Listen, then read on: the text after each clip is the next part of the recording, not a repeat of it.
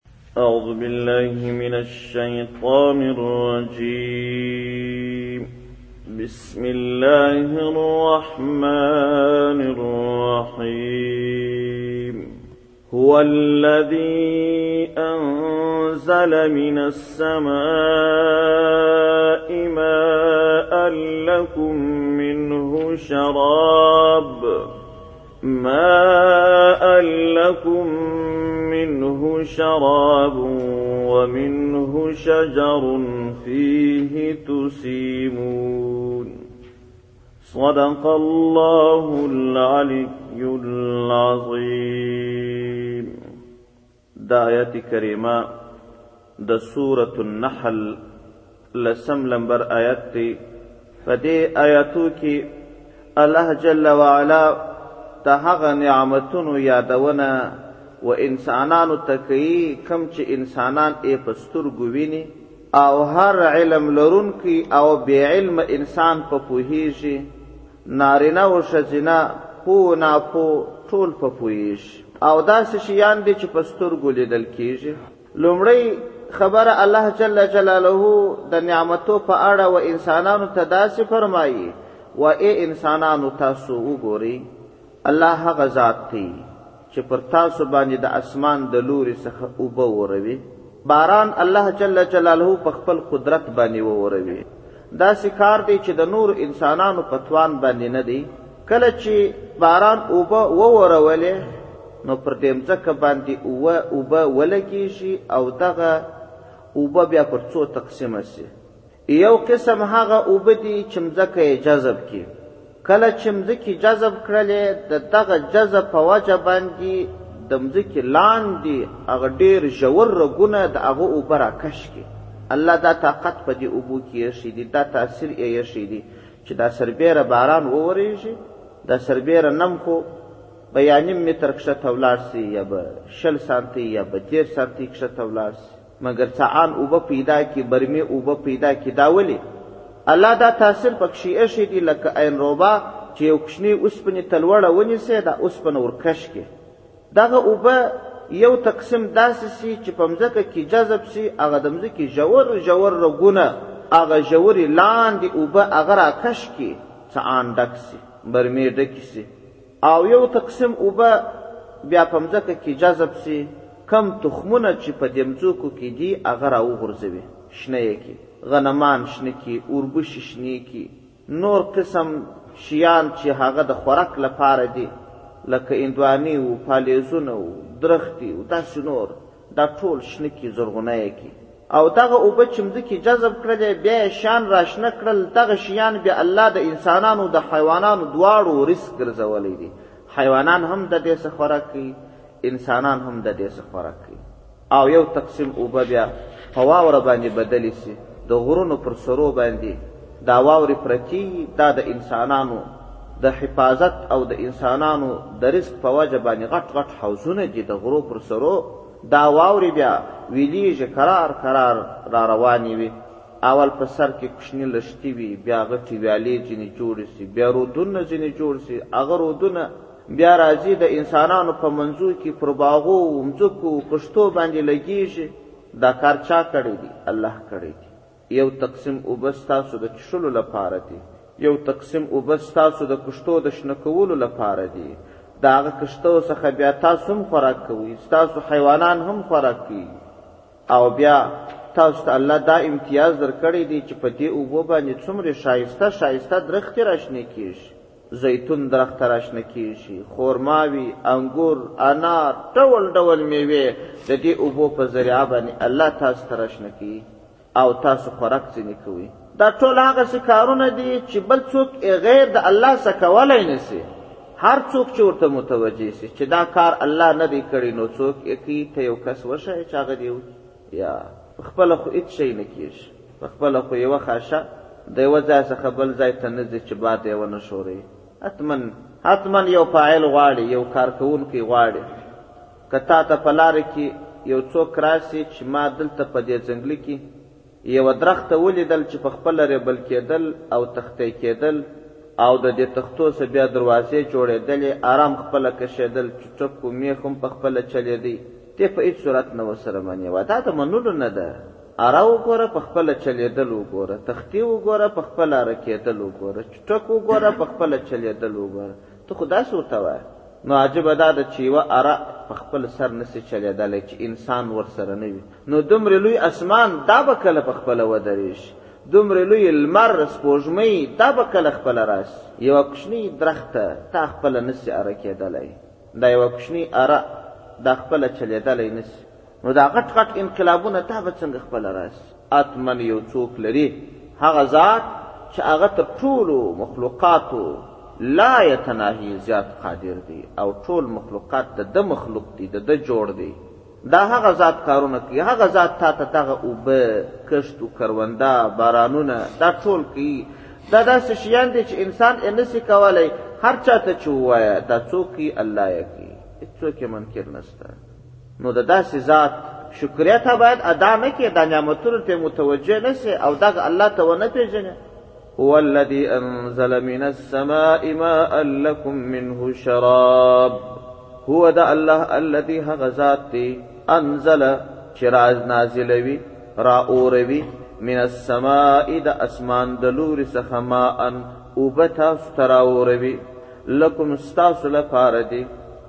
منه بعضې د دې اوبو څخه شراب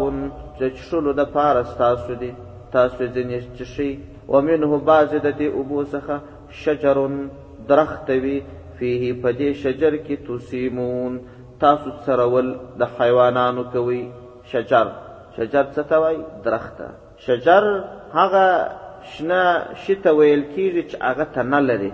او دا تنې د پاسه بیا ښاخونه وي او دغه تنه یې ریښې لري او پر دې خپله تنه باندې ولاړه وي دې ته شجر یعنی درخت ته ویل کېږي خو دا شجر په عربي ژبه کې کله عام د هر شنه شي په معنا باندې راځي دلته په دې ځای کې چې شجر راغلی دی دا د شنه شي په معنا باندې دی خاص درخت ځینې مراد نه ده ومنه بعضې د دې اوبو څخه دا لګیږي شجر پر درخت باندې یعنی شجر شنه شیان راشنه کوي او فيه په دې شجر کې توسیمون تاسو څرول کوي حیوانان پکښې څروي او حیوانان په مړوي هغه حیوانانو څخه بیا تاسو غوښې او شیدې د بار کار اخلي خپله هم دغه شجر یا دا شنه شیان د دې څخه خوراک کوي دا کار څوک الله یې کوي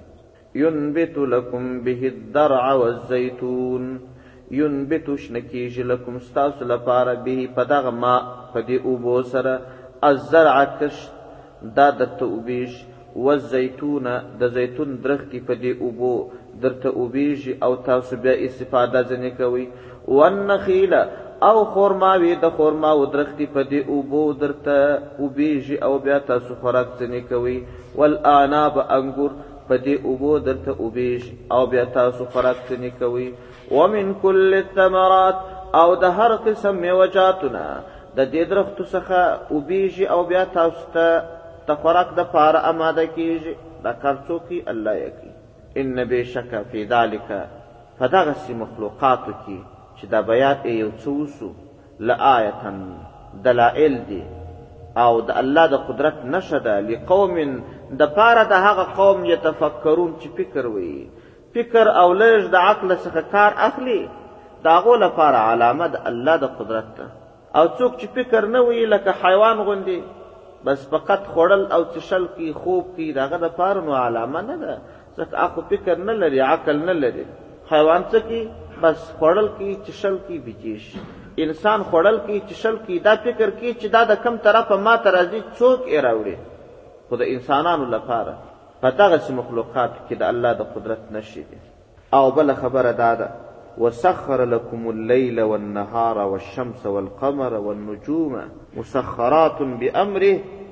او الله داسې ذات دی وسخر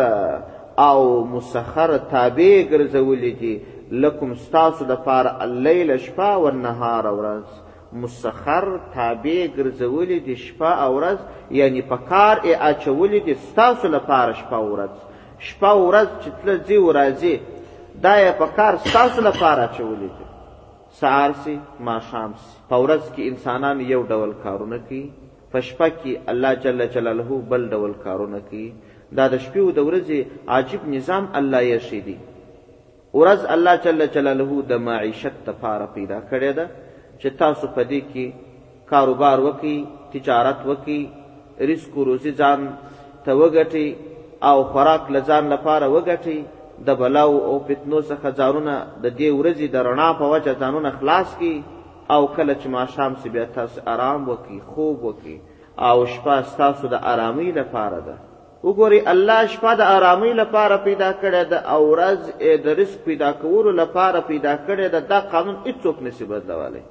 ځکه که چیرې د یوه ښار خلک پر دې باندې اتفاق وکړي چې راسي موږ به د شپې کار کوو د ورځې به په څه حصه کې بيدېږو، نو که د دغه ښار خلک اتفاق وکړي، د نورو ښارو خلک اتفاق نه ورسره کوي، که چېرې د ټولې دنيا ښارونه ورسره اتفاق وکړي، نو بيا حيوانان هغه به بيا څنګه اتفاق ورسره کوي، په دنيا کې څومره حيوانان دي، هغه ټول ماښام بيدېږي، سهار راکښېني، په رزق و په روزۍ پسې لټون کوي، دا د الله قانون دی. او بل لا دا ده که چیرې دا شپه الله انسانانو ته نه وای ټاکلی بلکې خلکو کار کولی چې هر وخت ستړي کېدلی او بیا یې آرام کولی بیا به هم دا د دنیا نظام نه چلېدلی ځکه یو سړی به د شپې تر لسو بجو کار کولی د شپې پر یولس بجې به بیدېدلی بل سړی به بیا د شپې د یولس بجو څخه کار کولی د ورځې پر لس بجې به بیدېدلی بل کس به بیا د ماپښین پر څلور بجې بیدېدلی نو چې د یو سړي د بل یو سره کار وای چې ورتللی د هغه به د استراحت وخت وای بیده به وای چې تا د نیمې شپې په منځ کې را روان یې دا زما شپه ده شپې پر دولس بجې چې څوک د یو چا دروازه ور وټکي چې بیخي اشد کار نه نه وټکي وای کړه خلک بیده دي آرام کی او شپه د کار وخت نه دی نو دا غو بیا د ورځې 11 بجې شپه وای ته څه کې چې ما ته زما په شپه کې دروازه ټکه د دا سړي چې بیا دا بل سړي سره کار وای د هغه به بیا شپه وای یو کون و فساد به وای خلکو به نه سره لیدلی نه به سره پیدا کولی سوای ځکه کم وخت چې د یوه کار دی دا بل شپه ده دا بل چې کار دی دا بل بیا شپه ده نو دا شپه او ورځ الله جل جلاله په کار اچولې دي یوه ورځ شپه نه ناوخته راځي نه یوه ورځ ناوخته راځي نه یوه ورځ شپه قضایي کي نه ورځ قضایي کي الله ټول په مکمل او منظم ډول په کار اچولي دي چا لپاره ستاسو لپاره تاسو کار ځینې اخلي لمر او سپوږمۍ یې ستاسو لپاره په کار اچولي دي دا لمر څومره ګټې لري دا تمام میوجات چې دي هغه د دې لمر د شعاو څخه انرژي اخلي که چیرې دا د لمر شعاوې نه وي دا میوې نه پخیږي تاسو به چیرې په خونه کې دننه درخته نه یې لیدلې چې میوه یې کړي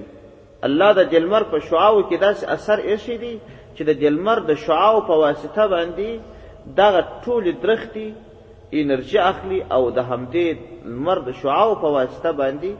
دغه میوې خپل ځان ته انرژي حاصلوي او پخیږي همدا ډول دا ټولې اوبه دا هم د لمر پخوي تاسو که فکر لوی لوی برمې چې خلکو کښلي او بیا یې غټ غټ حوضونه ورته کښلي دا ولې؟ دا اوبه د لاندې ژور څا او یا د برمې څخه راوکاږي په دې حوض کې یې ودروي د دې لپاره چې لمر یې ووهي ځکه لمر وهلي اوبه او هغه اوبه چې د برمې د پای څخه راوخیږي پر کښت باندې ولګیږي فرق لري دا د ویلو اوبه چی څومره کښت ته فایده کوي یا د برمي اوبه یې نه کوي ځکه دا د ولو اوبه چی دي دا لمر وهلي دي لمر وهلي څه معنا دا لمر خپلې شعاوې پکښې جذب کړي دي او دا اوبه یې قوت والا پیدا کړي دي د دې لمر دومره فایدې دي چې حسابل یې ګران دی د سپوږمۍ دغسې فایدې دي او ستوري چې راخیږي د دې همداسې فایدې دي شپه، ورځ، لمر، سپوږمۍ، ستوري، ټاکر د الله په کار اچولي دي، انسانه! ستا لپاره، نو هغه ذات چې دا دومرې کارونه یې ستا لپاره کړي دي، ته هغه الله او هغه خدای باید ونه پېژنې؟ ته د هغه څه بې پروا واوسېږې؟ ته باید د شیطان غلام جوړ شې؟ سبحان الله! دا به څومرې کم عقلي، څومره کم همتي به وي په دنیا کې چې ته د یو چا میلمه سې او هغه کس ستا ډېر اعزاز وکړي، ستا لپاره خونه پاکه کړي، ستا لپاره یې ورنګوي، ستا لپاره د ناستې دپاره چې څه څه شیان مناسب دي هغه ټول برابر کړي، ستا چې په دې شپه باندې څه ضرورتونه دي د اوبو، د ضرورت و فلان و فلان دا ټول برابر کړي، نو ته چې هغه کور ته ورسې د هغه کور د مالک ډېر قدر کوې. او په ډېره درنه سترګه ورته ګورې چې دې سړي خو زما دومره احترام کړی دی دومره عزت یې کړی دی چې ټول کور یې زما لپاره برابر کړی دی نو ای بدبخته ستا لپاره الله دا دومره دا دومره عالمي نظام برابر کړی دی تا د الله دپاره څه کړي دي ته ولې د الله سره داسې بې حیا ژوند کوې ته ولې دومره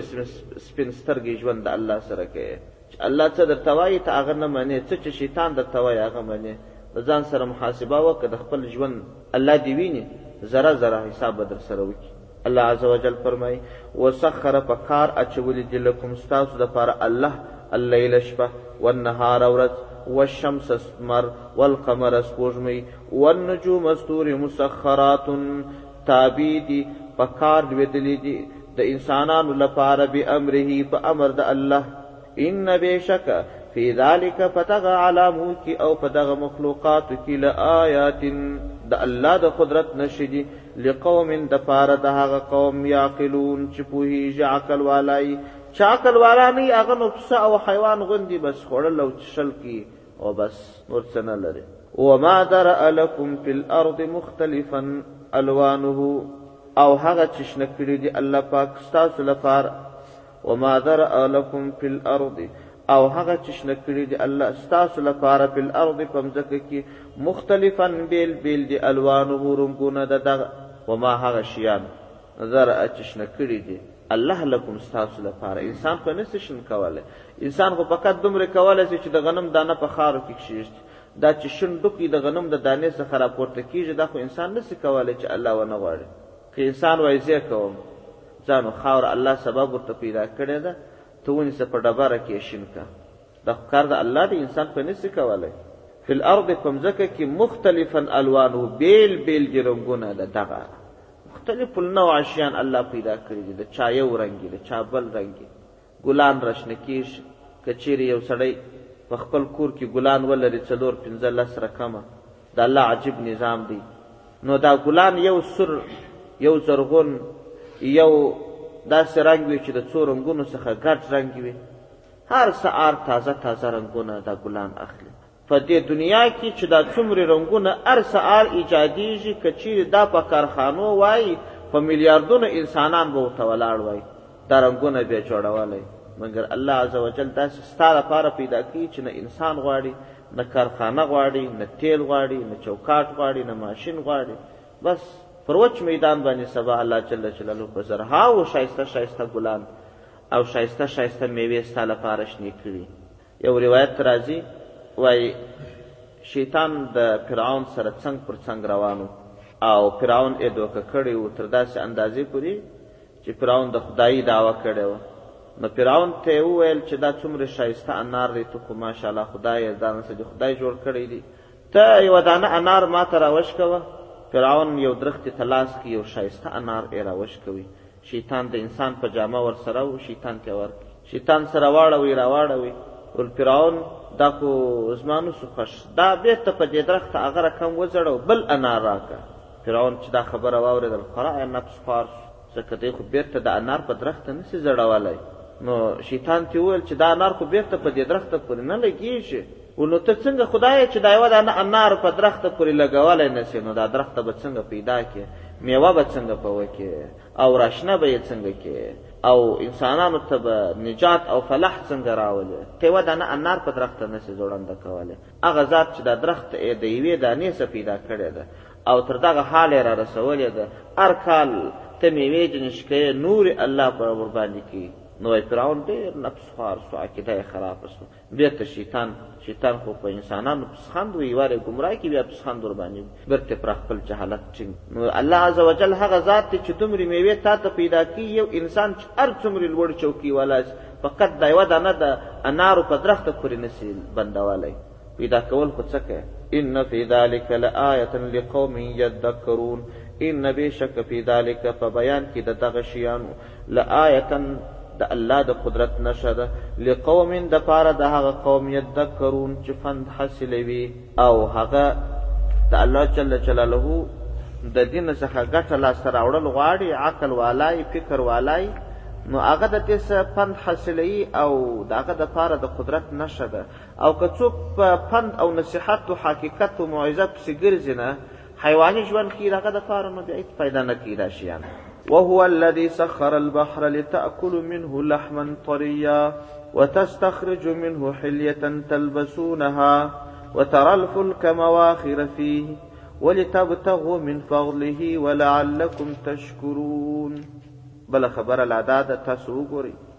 او هو د الله الذي هغه ذات دی سخره چې تابع یې ګرځولی دی البحر دریاب ستاسو لپاره ستاسو لپاره دریاب په کار اچولی دی څنګه لتاکلو چې تاسو خوړل وکړي منه د دې دریاب څخه لحما طریا تازه تازه غوښي مایان په دریاب کې ډېر مخلوقات الله پیدا کړي دي لکه پر وچه چې څومرې حیوانان دي، څومرې مخلوقات دي، په همدغه اندازه الله په دریابو کې هم بېل بېل مخلوقات پیدا کړي دي. دومرې حیوانان پکښې دي چې قسمونه یې بیخي زیات دي.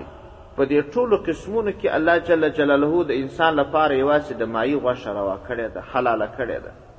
الله ورته لحم طریه یعنی تازه غوښه د وچو حیوانان چې دي هغه الالول غواړي پوستول غواړي د ماهي غوښه تازه برابر اماده غوښه ده چې بس ماهي دې راوکښي دستې پوخ که بس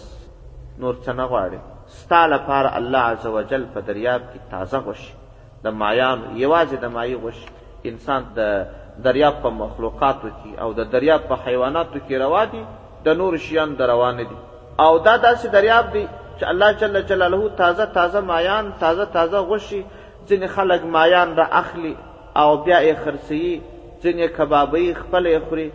او په دې مایانو کې هم الله جل جلاله مختلف قسمونه پیدا کړي دي او دا مایان هم د خپل ځان د حفاظت لپاره الله جل جلاله مختلفې سلاوې ورکړې دي، تر داسې اندازې پورې یو قسم مایع دي برق لري، کله چې مایعګر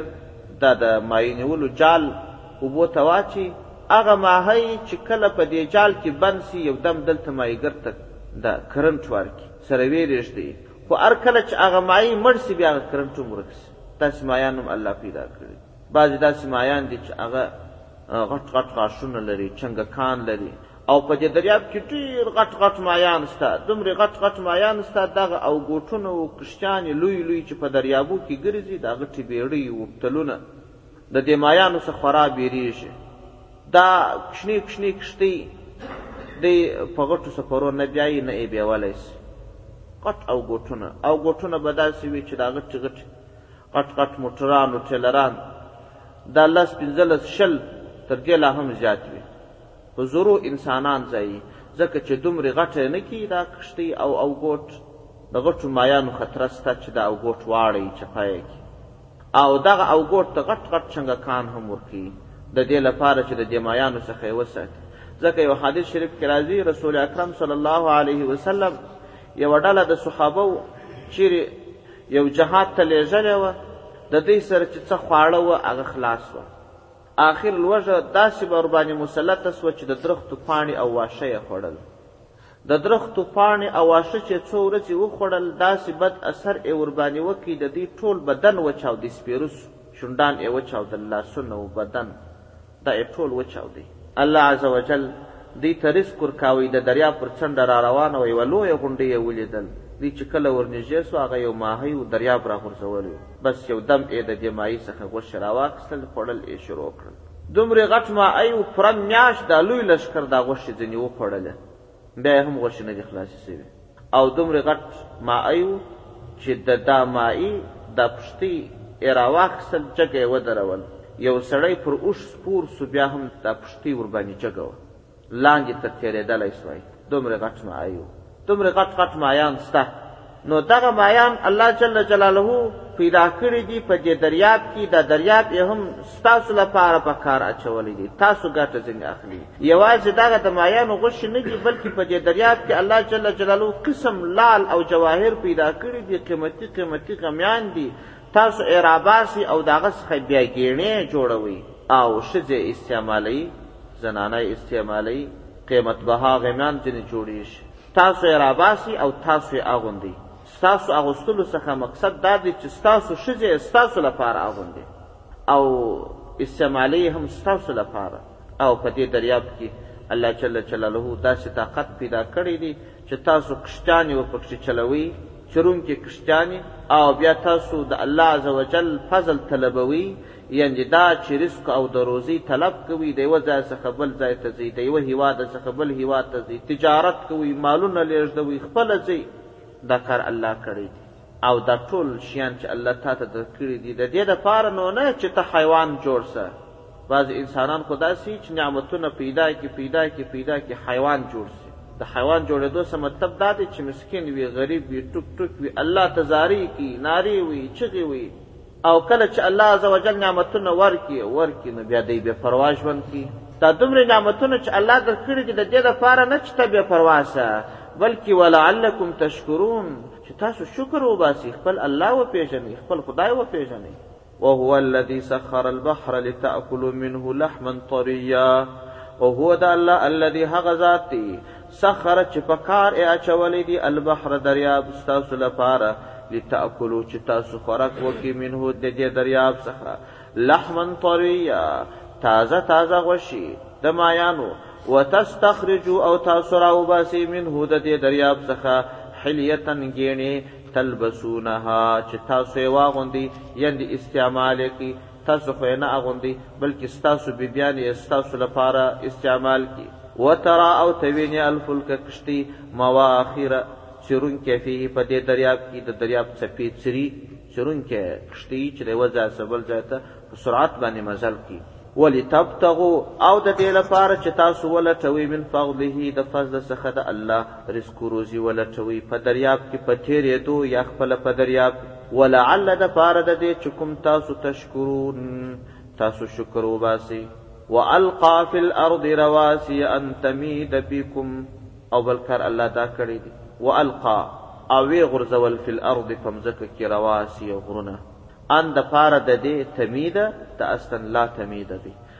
لا تمید چې ونه شوري دا مځکه بیکم پر تاسو باندې و انهارا ویالې الله په دې مځکه کې پیدا کړلې و سبولا لاري لعل د پاره د دې چې کوم تاسو تهتدون تاسو لار پیدا کی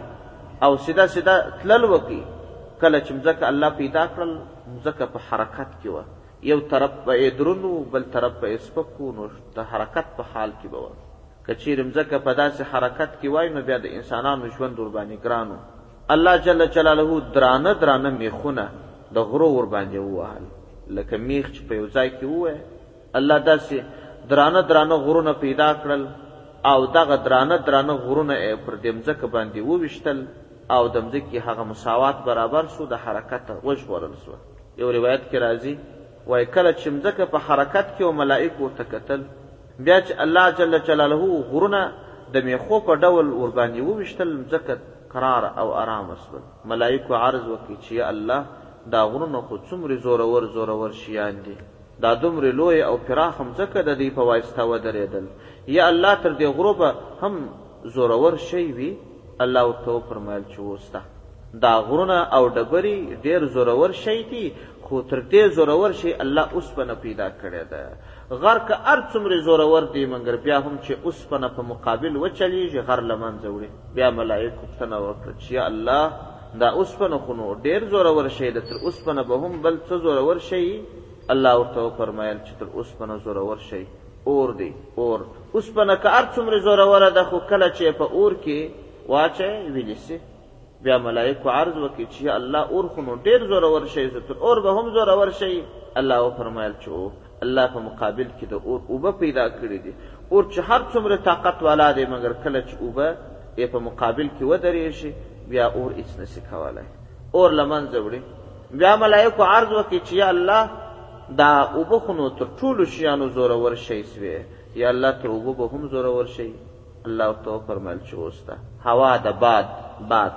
دا باد دومره زورور شی دی هر څومره اوبه چي وچیې یې له منځه یې وړي او تر باد بیا زورور شی انسان دی، انسان که چیري صدقه وکړي پرسته لاس ئې ورکړي او چپه لاس ورباندي خبر نه سي د انسان په دا یوه صدقه سره په دنیا کي انقلاب راځي یو توپان به را روان وي بادونه به را روان وي ملکونه ملکونه به غرق کي مګر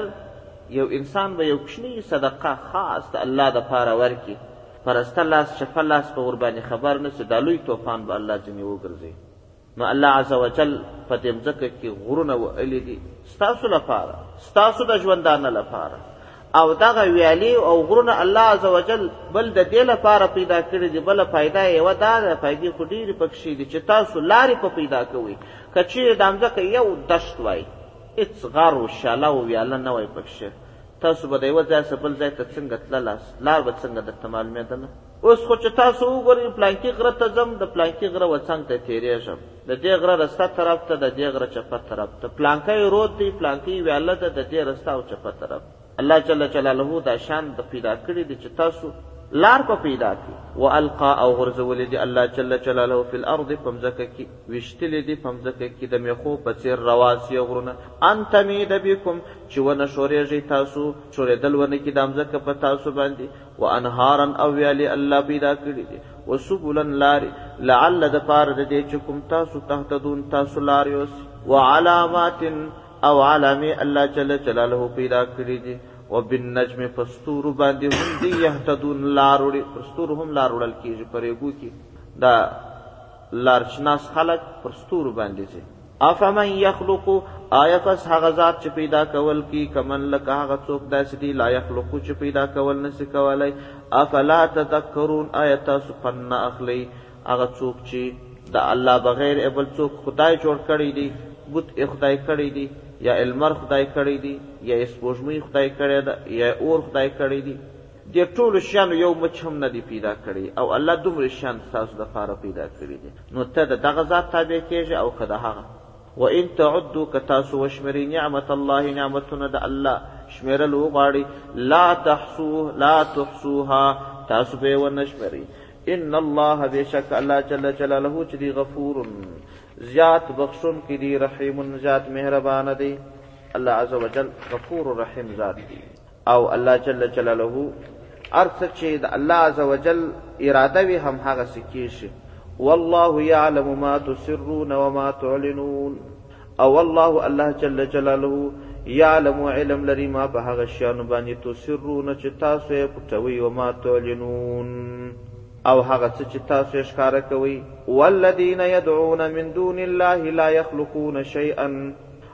او الذین او هغه بتان یدعون چې دی یې بولي من دون الله ما سوا د الله څخه لا یخلقون پیدا کول نسی کولی شیئا د هیڅ شي وهم دی خپله یخلقون پیدا کړل سوي دي هغه د ډبرې بوتان دي خپله دی جوړ سوي دي الله پیدا کړي دي یا انسانانو په عارضي ډول باندې په خپل لاسو جوړ کړي دي تا به کله شی پیدا کړي چې دی خپله په پیدا کېدو کې بل چاته محتاج دی